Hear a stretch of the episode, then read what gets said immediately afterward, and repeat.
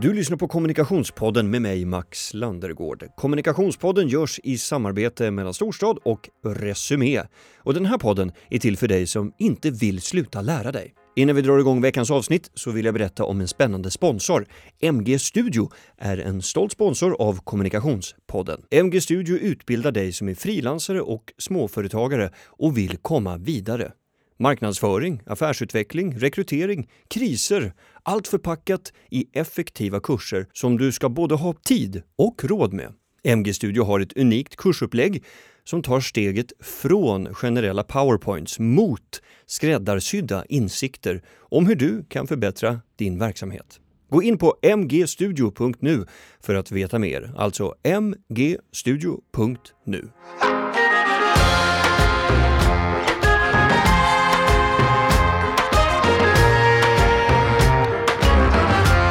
Något som har kommit att bli konstituerande för vår tid är diskussionen om sanning. Vad är sant? Vad klassas som information eller förledande propaganda?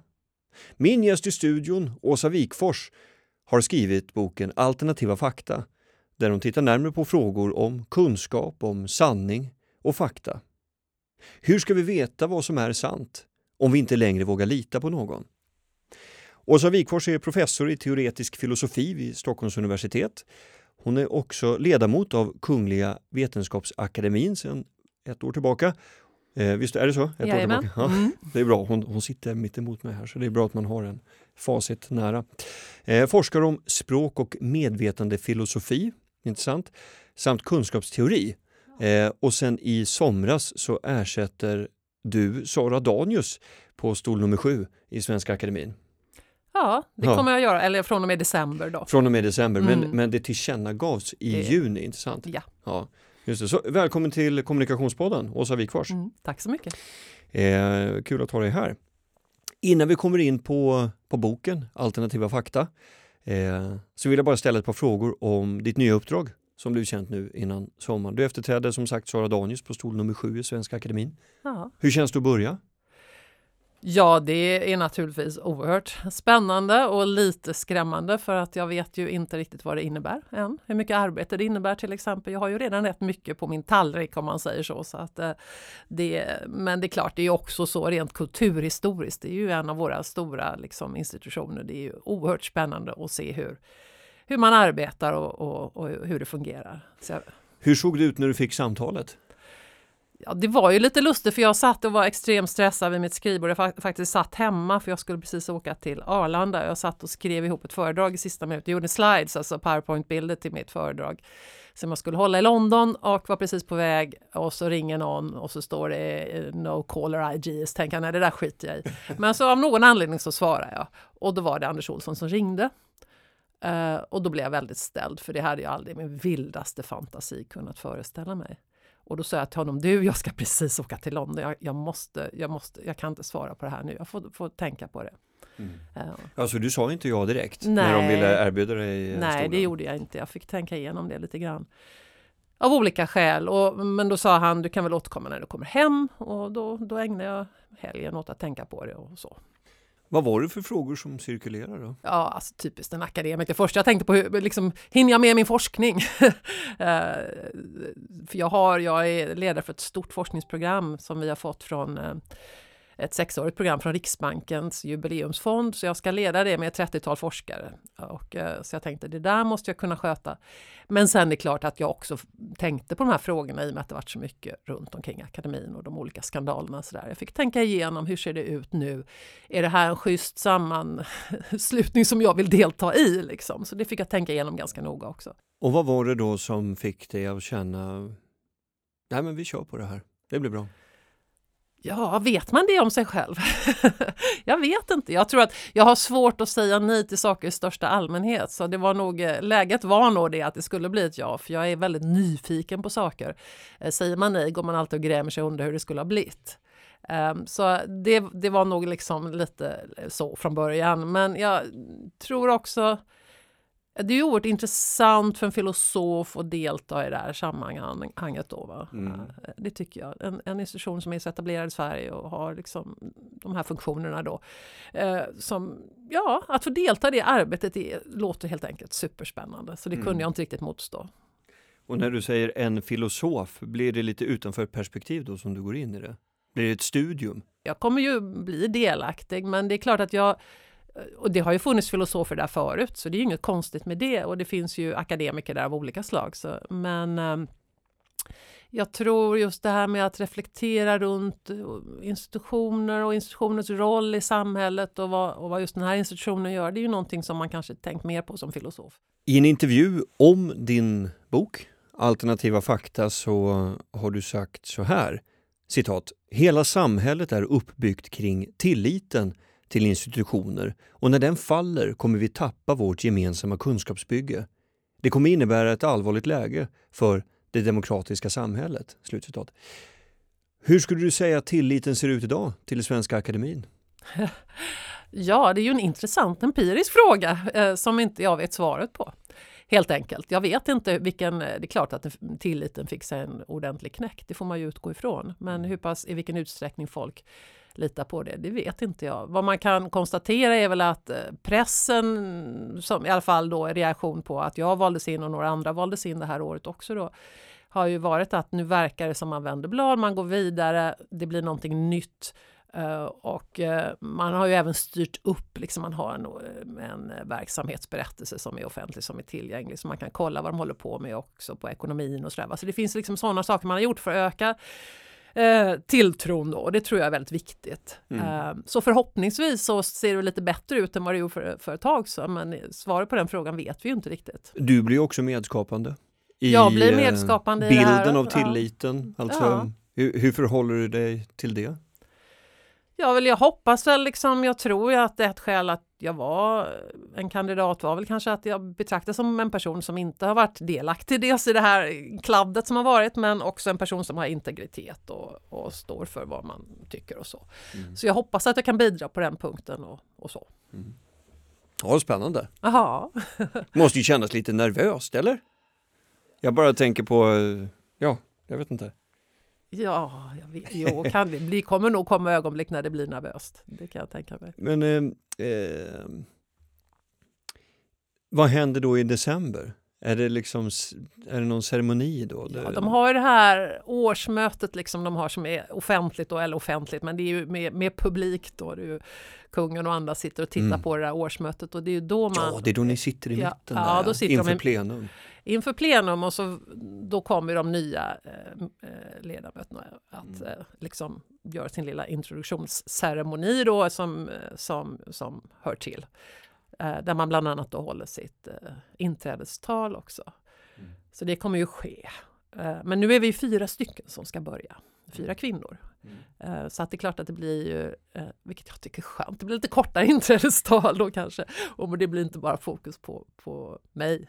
Nej, just det. Nej. Under våren har både Horace Engdahl och Katarina Frostenson släppt böcker som helt eller delvis behandlar efterdyningarna av krisen.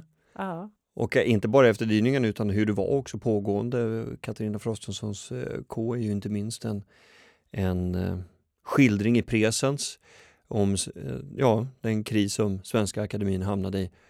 Har du läst böckerna? Nej, borde jag det? Ja, och om du ber mig om boktips så är väl de två ganska intressanta referensobjekt. Ja. Eh, det, är- det är ju intressant där hur man liksom behandlar frågor som kommer en stor institution att eh, svara på. Mm. Och eh, när det är en byggnad fylld av författare så är det där en kanal som Det är givetvis en kanal. ehm, och det är klart, jag fick ju mycket den här frågan, vad tycker du om det som hände? Så där, jag tror man ska vara väldigt försiktig, för jag tror, apropå det här med sanning då, va? jag tror det är oerhört svårt att veta vad som egentligen hände. Vi vet vissa saker, det vet vi definitivt. Men vi har inte hela bilden klar för oss och då tror jag att man, det, det är bra att hålla sig lite avvaktande inför det. Faktiskt. lite zen-buddhistiskt förhållningssätt alltså. Att man går in eh, utan fördomar. Lite filosofiskt förhållningssätt skulle jag Mm. väl vilja hävda. Ja, Men ja. det ligger ju i filosofins natur att inte dra förhastade slutsatser då. Särskilt inte när evidensen är, är ofullständig som den är i det här Mm. fallet. Då. Just det. Nu kommer vi till det som du är här för. Men jag tänker på boken, Ja. Alternativa fakta. Ehm, varför skrev du boken? Ja, jag, jag skrev ju den för att jag blev arg då. Eh, jag hade ju haft lite kontakt med Fri Tanke tidigare för jag har varit med på lite paneler och så som de ordnar, mitt förlag då. Men, och de tyckte du kan väl skriva någonting om kunskap och sådär. Och det, så här, det kommer jag aldrig göra. jag forskar, jag hinner inte med sånt där. Jag kan vara med ibland på panelsamtal men jag kommer aldrig skriva någon populärvetenskaplig bok. Ehm, så det var jag helt övertygad om, ända fram till att Trump blev vald. Då. För då kände jag, nej, vad är det som pågår? För vad som hände under hösten var ju just att man märkte i vilken utsträckning desinformation spelar en roll i det här valet. Då. Framförallt fejkade nyheter då. Det hade man ju inte hört talas om förut, man visste inte vad det var. Ehm, Så det gjorde mig extremt upprörd. Men det var också det att han själv har en sådan eh, otroligt eh, avog inställning till kunskap. Det vill säga, dels ljuger han eh, hejvilt, eh, dels eh, har han ingen kunskap. Han vill inte ha någon kunskap, han läser inga böcker. Um, och han omger sig med medarbetare som är eh, medvetet eh, inkompetenta på det område de är satta att styra. Så det är liksom en slags eh, ja, hyllning till okunskapen som han och hans administration står för som gjorde mig så oerhört upprörd. Han ljög ju till och med om vilket väder det var när han valdes in. Han gjorde det, ja. Han hävdade att solen sken men alla satt ju med paraplyer för det regnade ju. Men han, och det här har han en lång historia, han ljög ju när han var fastighets... Eh, eh, eh, jag var magnat, vad säger man på svenska? Jo, men, ja, ja, när han var stor precis. fastighetssnubbe på Manhattan. Det. Eh, när han var, det som gjorde honom känd i USA var det här tv-programmet eh, The Apprentice. Då, va? Där, den har väl gått i Sverige också tror jag. Mm. Där i alla fall gick ut på att avskeda folk i princip. Men där, Ja just det, Ja. The Apprentice, kortfattat, eh, några motsvarande praktikanter dylikt ja, tas emot av honom. Han utsätter dem, de blir något som ett slags påläggskalvar. ja, Han utsätter dem för olika typer utav eh, mer eller mindre kränkande prövningar. Ja. Och, och eh, sakta men säkert så, så blir de färre. blir färre. Och Ja. han har den stora nöjet att säga “You're fired”. just det, precis. Men eh, apropå det, så, så det var ju väldigt populärt det här programmet, men sen så dalade tittarsiffrorna då. Ehm, och då blev ju tv-bolaget, de blev ju oroliga för det här, vad ska vi göra? Och då sa han, nej men det spelar ingen roll, vi bara går ut och säger att de är större än någonsin. För om man säger någonting så tror folk det. Och det har han helt rätt i. Så han förstod tidigt att eh, man behöver inte hålla sig till sanningen. Man kan säga vad som helst. Och har man tillräckligt stor megafon och liksom någon slags pondus som man har då, så kommer folk att tro det i alla fall. Mm. Så det här är en gammal strategi. Och då kan man till och med hävda att solen skiner när det regnar. Och, och lyckas med det. Du har sagt att eh, förlusten av tillit är något som är eh, typiskt eller signifikant för, för vår tid. Mm. Det tror jag. Ja, det, det, är ju, ja, det har vi ju siffror på också. Men eh, ja, för det första, kunskapen, den mänskliga kunskapen då, är ju i så stor utsträckning ett gemensamt arbete. Det vill säga det vi vet om världen, det, vet, det mesta vi vet om världen, det vet vi inte för att vi själva varit där och upplevt saker. Utan det vet vi tack vare andra människor som vet mer om. Så att om jag ska få kunskap om världen, om politik, om geografi, om historia, om fotbollsmatcher, då måste jag lyssna på andra människor eller läsa texter och sådär. Eh, och det betyder att jag måste känna tillit till de här källorna, annars kommer jag inte få, få den kunskapen. Och när man då tappar i tillit till eh, liksom samhällets centrala kunskapsinstitutioner, och dit räknar jag ju då eh, givetvis forskning och universitet, eh, men också seriösa medier. Då. Eh, när man tappar tillit till de seriösa källorna, då kommer man också tappa kunskap. Då. Om man dessutom omflyttar, om sin, flyttar sin tillit till det oseriösa, som många människor gör då, så kommer du inte bara att tappa kunskap, du kommer plötsligt få en massa falska uppfattningar om världen. Då. Men hur vet, hur- förlåt att jag avbryter, men alltså hur vet man vad som är en seriös organisation då? En seriös avsändare? Ja, det, alltså som individ kan det vara väldigt svårt att avgöra då. Va? Eh, men eh, vad jag säger i boken då, alltid brukar trycka på är att man får titta på institutionen ser ut som, som den här avsändaren kommer ifrån. Då, va? Um, vad det gäller forskning till exempel. Är det här, om någon uttalar sig som expert i ett ämne, är den här personen verkligen expert i det här ämnet? Hör den här personen till en forskningsinstitution som gör att man kan räkna med, man kan lita på vad den här personen säger? Därför att det är institutionerna som håller oss, håller oss eh, så att säga ärliga. Då, Va? Eh, forsknings, en akademisk institution är ju uppbyggd runt eh, de här så kallade kollegial, kollegial granskning, alltså vi granskar varandras eh, forskning hela tiden.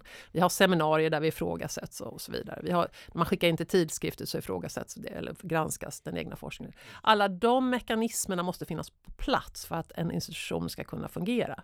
Det betyder inte att det alltid blir rätt, det kan bli fel ändå.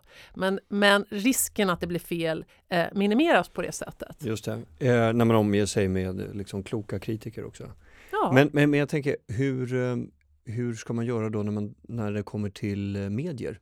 För det finns ju, det har ju inte samma typ av mekanismer eller processföring kring nyhetsbevakning på det sättet. Nej. Utan då har du ju olika medier som tänker olika och jag brukar ju som, som har jobbat journalistiskt under många år kan ju som mediekonsument, lite arbetsskadad mediekonsument, eh, eh, reagera på vilka man har bokat till ett program till exempel. Mm. Eh, på vilket sätt man väljer ett anslag i en vinkling mm. Mm. Eh, och kan tycka att man ibland stretchar eh, sanningen mm. eh, och sätter en premiss som egentligen skulle, om, man, om det skulle prövas en, en gång eller två utav kritiker så skulle den nog vara ogiltig. Mm. Eh, jag ska inte ta upp några exempel.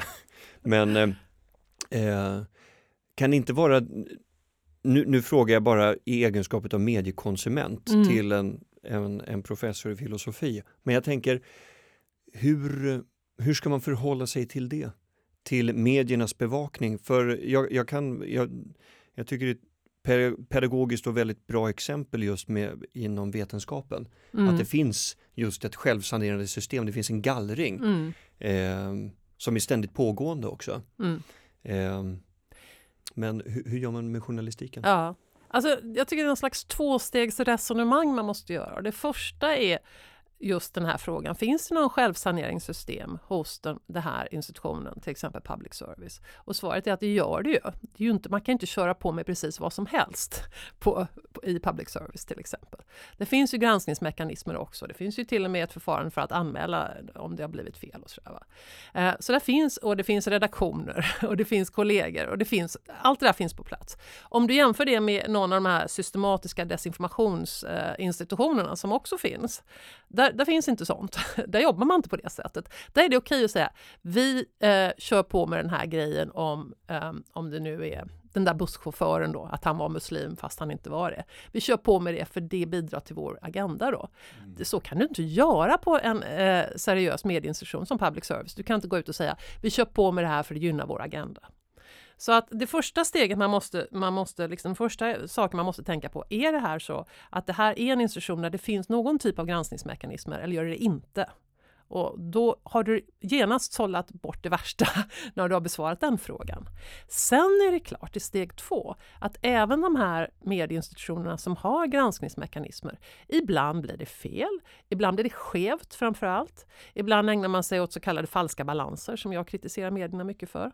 Det vill säga man tar in en um, vaccinforskare och låter den eh, disku diskutera, debattera mm. med en orolig förälder och sådär. Det är väldigt olyckligt. Va? Så man, man gör massa saker som är mindre lyckade och då ska public service och vad det nu kan vara, Dagens Nyheter och Svenska Dagbladet, då ska de kritiseras när de gör den typen av saker. Helt klart. Men där finns ju ett omgivande samhälle som eh, når fram med den kritiken till de här tidningarna som de tar till sig. Återigen, till skillnad från de här propagandainstitutionerna. Va? Så att det finns ändå skillnader där som man, man måste hålla väldigt klart för sig. Samtidigt som man då inte därmed ska gå och blint tro på precis allting som sägs på eh, public service. Hur kommer det sig att det här har kommit att bli en sån här stor fråga just nu? För, försökte man inte få människor förda bakom ljuset tidigare? Eller är det så här att vi har lyckats bli mer källkritiska nu och förstår att folk försöker föra oss bakom ljuset? Alltså, så länge vi har kunnat prata har vi försökt föra varandra under ljuset, va? bakom ljuset. Alltså, det är en del, lögnen är en del av språket. Va? Det är bara en fråga om hur pass bra teknik vi har för att göra det här. Eh, när skriftspråket kom först under antiken så oroade man sig väldigt för att det skulle bli så mycket lättare att ljuga när man skrev, trodde man. Eller hur? Och sen gick det på tryckpressen kom, massor med desinformation och propaganda trycktes plötsligt. Eh, tidningarna kom i början, så på 1800-talet så ägnade sig flera tidningar åt eh, fejkade nyheter för de ville driva en agenda. Det rättade till sig över tid när tidningsinstitutionerna utvecklades. Och så, från Radio. Gutenberg till Bagdad Bob? Liksom. Ja, från ja. Gutenberg till Bagdad Bob, absolut. Va? Och på 30-talet vet vi att radion var ett väldigt viktigt instrument för nazisterna. Nu har vi en ny teknik igen, nu har vi internet och vad som är två saker som är särskiljer det här från tidigare som, saker som har hänt. Det ena är naturligtvis att det är tillgängligt för vem som helst på väldigt, för nästan ingen kostnad att producera desinformation. Det är oerhört lätt. Och det andra är att man med denna kan nå hela världen i princip. Eh, så att det har blivit lätt och eh, billigt att producera desinformation. Och sen om du lägger till det just den här globala dimensionen att man kan nå varandra. Då, va? Man ser ju till exempel om man tänker på konspirationsteorier, det har ju folk alltid trott på. Det liksom hör till människans sätt att tänka. Mm, det är något, någon, ligger nog någon eh, hund begraven här. Såna ja, ja just det, vissa är. saker går liksom inte ur tiden. Det är... Nej, det är såna, såna har vi alltid varit. Va? Men nu, ja alltså de som är konspiratoriskt lagda, de finner ju varandra över hela världen. Och vad som händer när människor som tänker likadant pratar med varandra är att de förstärker varandras åsikter. Då, så konspirationerna eh, känns mer övertygande och blir fler och så vidare. Va? Så, så det är också det att man når, vilken, vilken åsikt man än har, så kan man nå andra världen över eh, som tycker likadant och förstärka varandras åsikter. Så det är sådana saker som har gjort att vi har en ny situation och ett nytt medielandskap med alternativa medier. Nu tar vi en kort paus för att höra ett budskap från våra sponsorer. MG Studio bedriver sina kurser på två ställen. Dels i nyrenoverade lokaler i Gamla stan och dels ute till skogs. Varje kurs bedrivs delvis ute i naturens gröna lunga med kompetenta kursledare där endast papper, penna och talet är de verktyg du behöver för att komma vidare i din fortbildning. Gå in på mgstudio.nu för att veta mer.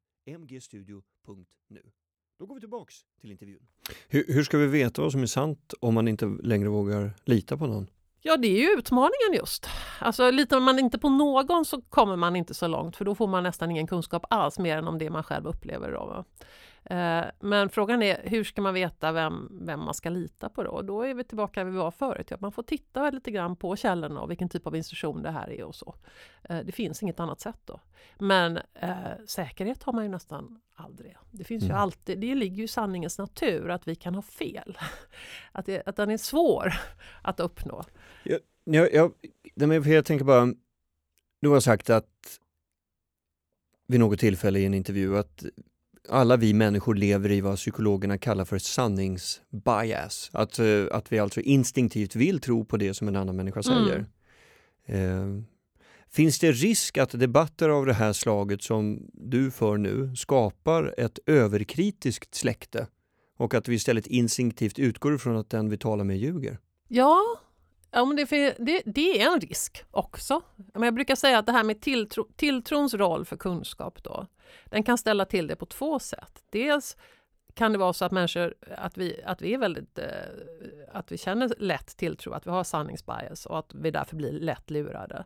Men den andra versionen är just att man släpper tilltron totalt då, va? och blir skeptisk mot allt och då eh, inte får någon kunskap till sig. Och man kan ju säga på sätt och vis att konspirationsteoretiker tenderar ju att gå åt det hållet just. Va? De tror ju inte på någonting. Mm eh, mer än på sin egen förmåga att, att avgöra, möjligen deras kompisar då, va, som tror likadant.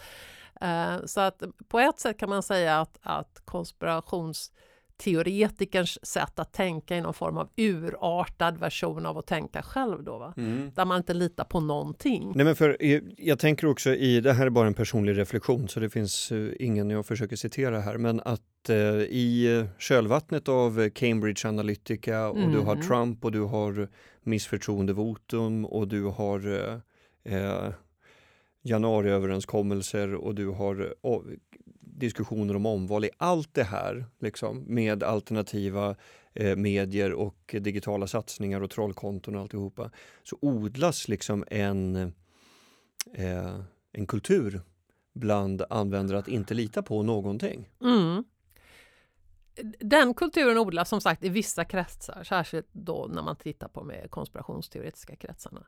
Men samtidigt så är det ju så om du tittar på de här som inte tror på etablerade medier och på public service och så. De har ju en enorm naiv tilltro till de här alternativa medierna. Vilket är väldigt märkligt om man säger ja, public service har en politisk agenda och så vänder man sig istället till en plattform som uppenbarligen har en politisk agenda som de här eh, eh fria tider och de här eh, mm. högerextrema plattformarna. Så att det är lite lustigt. Hur kommer det sig? Är det att man är ofrivilligt politisk men man fattar det bara inte? Eller? Ja, det tror jag att man är. Jag tror det är ett par saker. Jag tror, dels är det ju så att om man Säg att du börjar ha den här misstron mot eh, public service och du har liksom någon slags teori om att de försöker bara föra oss om ljuset och sådär. Och, och så hittar du en annan källa som säger just de där sakerna som du tänker. Då har vi ju alla den här, vi vill ju alla bekräfta våra, våra övertygelser. Det här är ju en källa då som får oss att må väldigt bra.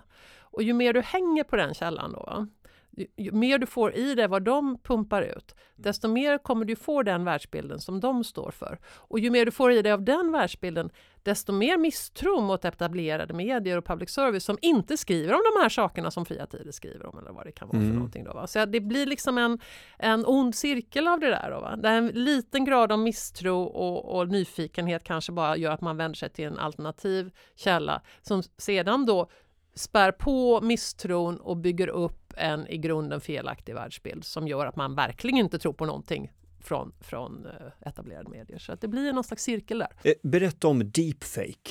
Ja, deepfake, jag är inte någon expert på det. Då, men, Nej, det, men här är, det är en term du det, använder ja, det är en term jag använder. Det är alltså en mm. ny teknik som har kommit ut där man kan med hjälp av eh, datorteknik då eh, om man har tillräckligt mycket filmat material från eh, intervjuer med, säg Obama var det första exemplet då, så kan man använda sig av den, eh, de signalerna man får från det här materialet för att sedan eh, göra eh, påhittade intervjuer där man kan få det att se ut som om Obama säger någonting som man aldrig har sagt. Alltså inte genom att klippa och klistra ord utan att ta signalerna och bygga upp genom med mm. datorteknik. Då. Mm. Och det första man gjorde var ju just en fejkad intervju med Obama där han sa någonting, jag tror han sa någonting om Trump som Obama aldrig skulle ha sagt även om han hade tänkt det. Och det här då var ju mm. naturligtvis en väldigt dyr och svår teknik till att börja med, men som det är med sån här teknik så blir den väldigt snabbt mycket mer tillgänglig. Så vi kommer få en situation ganska snart där mm, i princip vem som helst kan koka, koka ihop sådana här saker. Och då får vi ju, det är ju en otroligt svår situation att hantera. Man, man, får se Stefan Löfven där på en skärm säga något som han aldrig har sagt till exempel.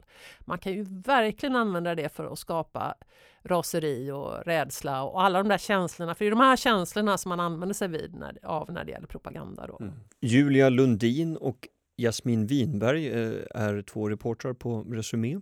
Eh, de gjorde en granskning tidigare i år av området influencers mm. där de genom experiment undersökte huruvida källforskning och kritik fanns utspritt eller om det var om det icke fanns mm, bland influencers. Uh. Eh, och den som är nyfiken kan läsa vidare i Resumé. En ganska lång serie. Så jag, mm, det, skulle ta... det ska jag definitivt läsa, jag har ja. missat det. Mm.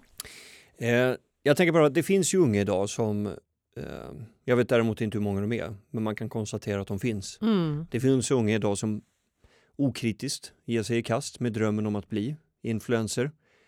Trumfar det vår tids strävan efter, alltså trumfar vår tids strävan efter uppmärksamhet sanningen? Ja, det, det gör det. Influencers är ju ett exempel naturligtvis. Um, det är ju väldigt märkligt, jag vet ju att unga människor är, blir väldigt påverkade av av några av de här ledande influencers som, som, som de tittar mycket på. Eh, de har ju en oerhörd makt att sprida vad det nu är för budskap om det. Ofta är det produktplacering helt enkelt. Eh, och eh, unga människor är väldigt okritiska inför det här. Och en grej när man har tittat på till exempel, man tränar unga människor i källkritik, så har man konstaterat att de är otroligt dåliga på att en väldigt viktig sak att avgöra om man tittar på en källa är, är den här källan sponsrad? Mm. Det är ju liksom en, första, en, av, en av de första frågorna man ska ställa.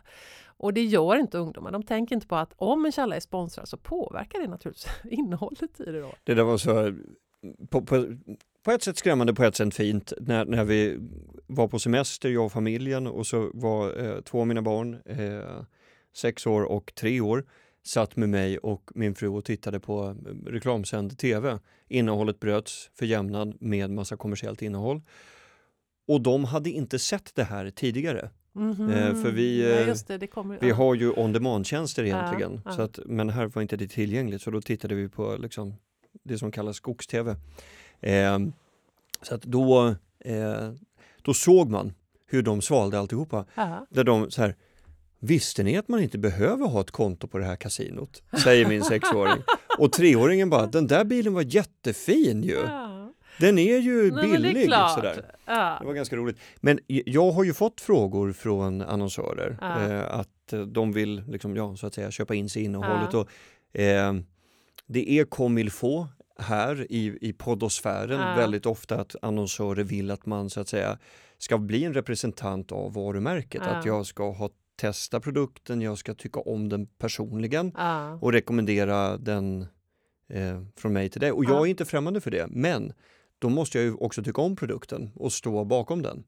Just det. Eh, och tycka att det faktiskt är någonting som jag eh, vill använda mig av som konsument.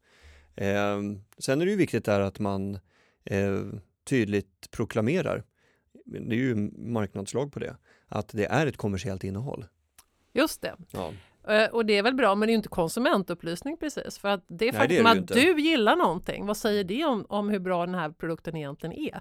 Så att eh, jag tycker lilla- liksom, det lilla glappet, det, det, det, Mm. det syns inte. Nej. Eh, eh, gör det inte. Jag tror att vi borde titta mer på influencers, för de, de pratar ju inte bara, det är inte bara produktplacering, utan det handlar ju mycket om Ja, lite allt möjligt om livet och psykisk ohälsa och allting där det inte är så vederhäftigt alla gånger. Och där kan det ju vara direkt farligt då. Om man säger saker om psykisk ohälsa till exempel. Om man har hundratusentals unga tjejer som lyssnar på det. Så att det där borde vi nog granska mer. Men det kanske dina kollegor har gjort där på det som är. Ja, precis. Eh, Den som är intresserad kan alltid gå in och titta för de artiklarna finns kvar. Hur kan framförallt unga stärka sitt eh, ska man säga, immunförsvar mot falska nyheter, ogrundade påståenden, alternativ fakta i ett mediesamhälle där alla får utrymme? Alla har kanaler, alla blir lyssnade på. Ja, det är ju liksom den stora frågan nu. Eh, rent generellt kan man säga att kunskap utgör ett gott skydd. Eh, då kan det handla om olika sorters kunskap. Dels kan det handla om mediekunskap helt enkelt. Och där tror jag att skolan har en viktig uppgift. Man har sett det att eh, man har testat på eh, skolungdomar, 500 någonting, hur de klarar fejkade nyheter. Och då visar det sig att de som klarar att avslöja, de som är bäst på att avslöja det, är de som har mediekunskap hemifrån. Då. Mm. Det vill säga man är van att läsa seriösa medier och känner igen hur det ska se ut och, och får med sig det här till, till när man då blir Eh, utsatt för, för det oseriösa. Eh, och det är ju det är ett problem för det, är ju, det råder ju stora orättvisor vad det gäller eh, vilken typ av mediekunskap man får hemifrån då. Så det där borde ju skolan kompensera mycket. Eh, men man vet ju också då att ehm, eh, om, man, om, om det kommer en fejkad nyhet på, på ett ämne där jag kan någonting om det ämnet alldeles oberoende så att säga, då har jag också ett bättre skydd. Va? Så vanlig liksom, grundkunskap vad det gäller till exempel tänk klimatförändringarna, ju mer man vet om hur växthuseffekten fungerar och sådär och havsnivåer fungerar och sådär, ju mer man vet om det desto mindre eh, sårbar är man för klimatförnekarnas desinformation. Då, va? Ja, så det är också en grej. Och sen är det ju då källkritiken som man alla måste bli mycket bättre på. Och det är ju extremt bra att vi pratar så mycket om det i största allmänhet, där det gäller att ställa sig de här grundläggande frågorna. Då, va? Vilken typ av källa är det här? Är det sponsrat innehåll? Är det en politisk plattform? Finns det en ansvarig utgivare? Finns det, några, eh, finns professionella journalister? Och så vidare. Att man bara tittar på de liksom grundläggande sakerna vad det gäller själva källans karaktär. Mm. Och det måste alla människor bli bättre på. Hur skulle du kategorisera den här intervjun som jag gör med dig? Är den propagandistisk, agendasättande, Nej, inte neutral? Nej, Nej, vad, vad ska folk tro om det här samtalet? Ja, de ska väl tro att vi diskuterar stora samtidsproblem på ett ganska bra sätt, hoppas jag. Sen är det klart, vi har lite produktplacering, för du nämnde min bok då, då men eh, det är ju ändå en bok som handlar om just de här frågorna, så jag är ju här i egenskap av expert då på de här frågorna. Lever vi i en verklighet där det här kommer fortsätta på samma spår? Ja, det gör det. Det kommer att bli värre innan det blir bättre, det är jag helt säker på. Men man kan inte stoppa teknik. Va? Det går inte. Man kan, vad man kan, man kan jobba på olika plan. Man kan försöka lagstifta vad det gäller de stora internetjättarna, Google och Facebook och så mm. styra upp det lite grann. Va? Och där händer en del saker. Jag tror Facebook och de här stora jättarna, de vet att de behöver styra upp det om de inte ska bli, få råka illa ut på olika sätt. Då. Alltså det, där sker en viss självsanering, men jag tror att man löser aldrig problemen helt och hållet på det viset. Så att det där kommer vi leva med. Tekniken kommer bli bättre, vi kommer få deepfake, vi kommer få mer och mer. Det kommer bli svårare och svårare att avgöra om en källa är eh, seriös därför att du kommer att få eh, hemsidor som ser ut som, det kan se ut som Dagens Nyheters hemsida fast det inte är det. Och sådär. Du kommer få mer och mer den typen av fejkade grejer. Det blir otroligt svårt att avgöra vad är det här för typ av källa egentligen? Därför att tekniken blir mer raffinerad. Eh, så att det här kommer, och dessutom är det ju så ett läge när polarisering späs på hela tiden av eh, det här, eh, man ska säga striden av verkligheten som jag brukar kalla den då, vad som pågår just nu. Och polariseringseffekter gör att folk blir arga på varandra, det blir vi mot dem och då blir det ett mer hatiskt och upphiskat offentligt samtal och då blir det värre. Så många saker kommer bli värre innan, innan de möjligen förhoppningsvis blir bättre så småningom. Åsa Wikfors, professor i teoretisk filosofi och författaren till boken Alternativa fakta. Stort tack för att du ville vara med i Kommunikationspodden. Tack så mycket.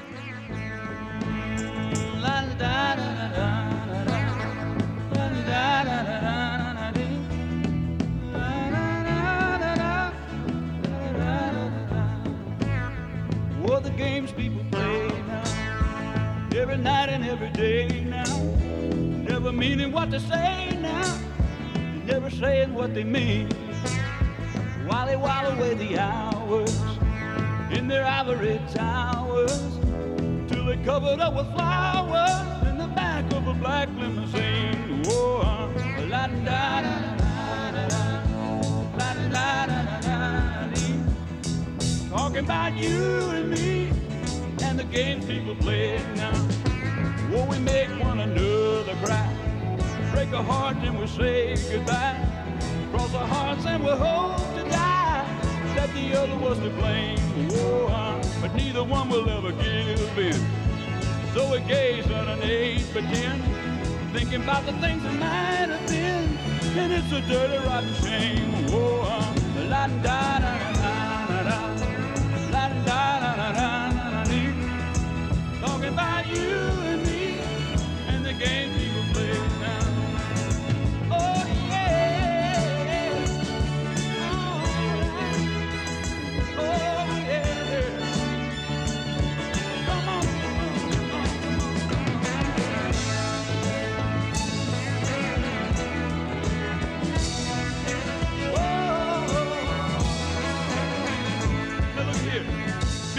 walking up to you, singing glory hallelujah, and they try to sock it to you in the name of the Lord.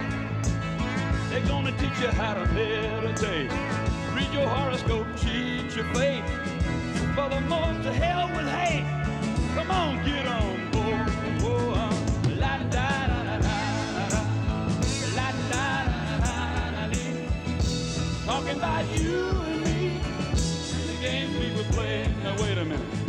Look around, tell me what you see. What's happening to you and me? God grant me the serenity to just remember who I am. Oh, cause you're giving up your sanity for your pride and your vanity. Turn your back on humanity. Oh, and you don't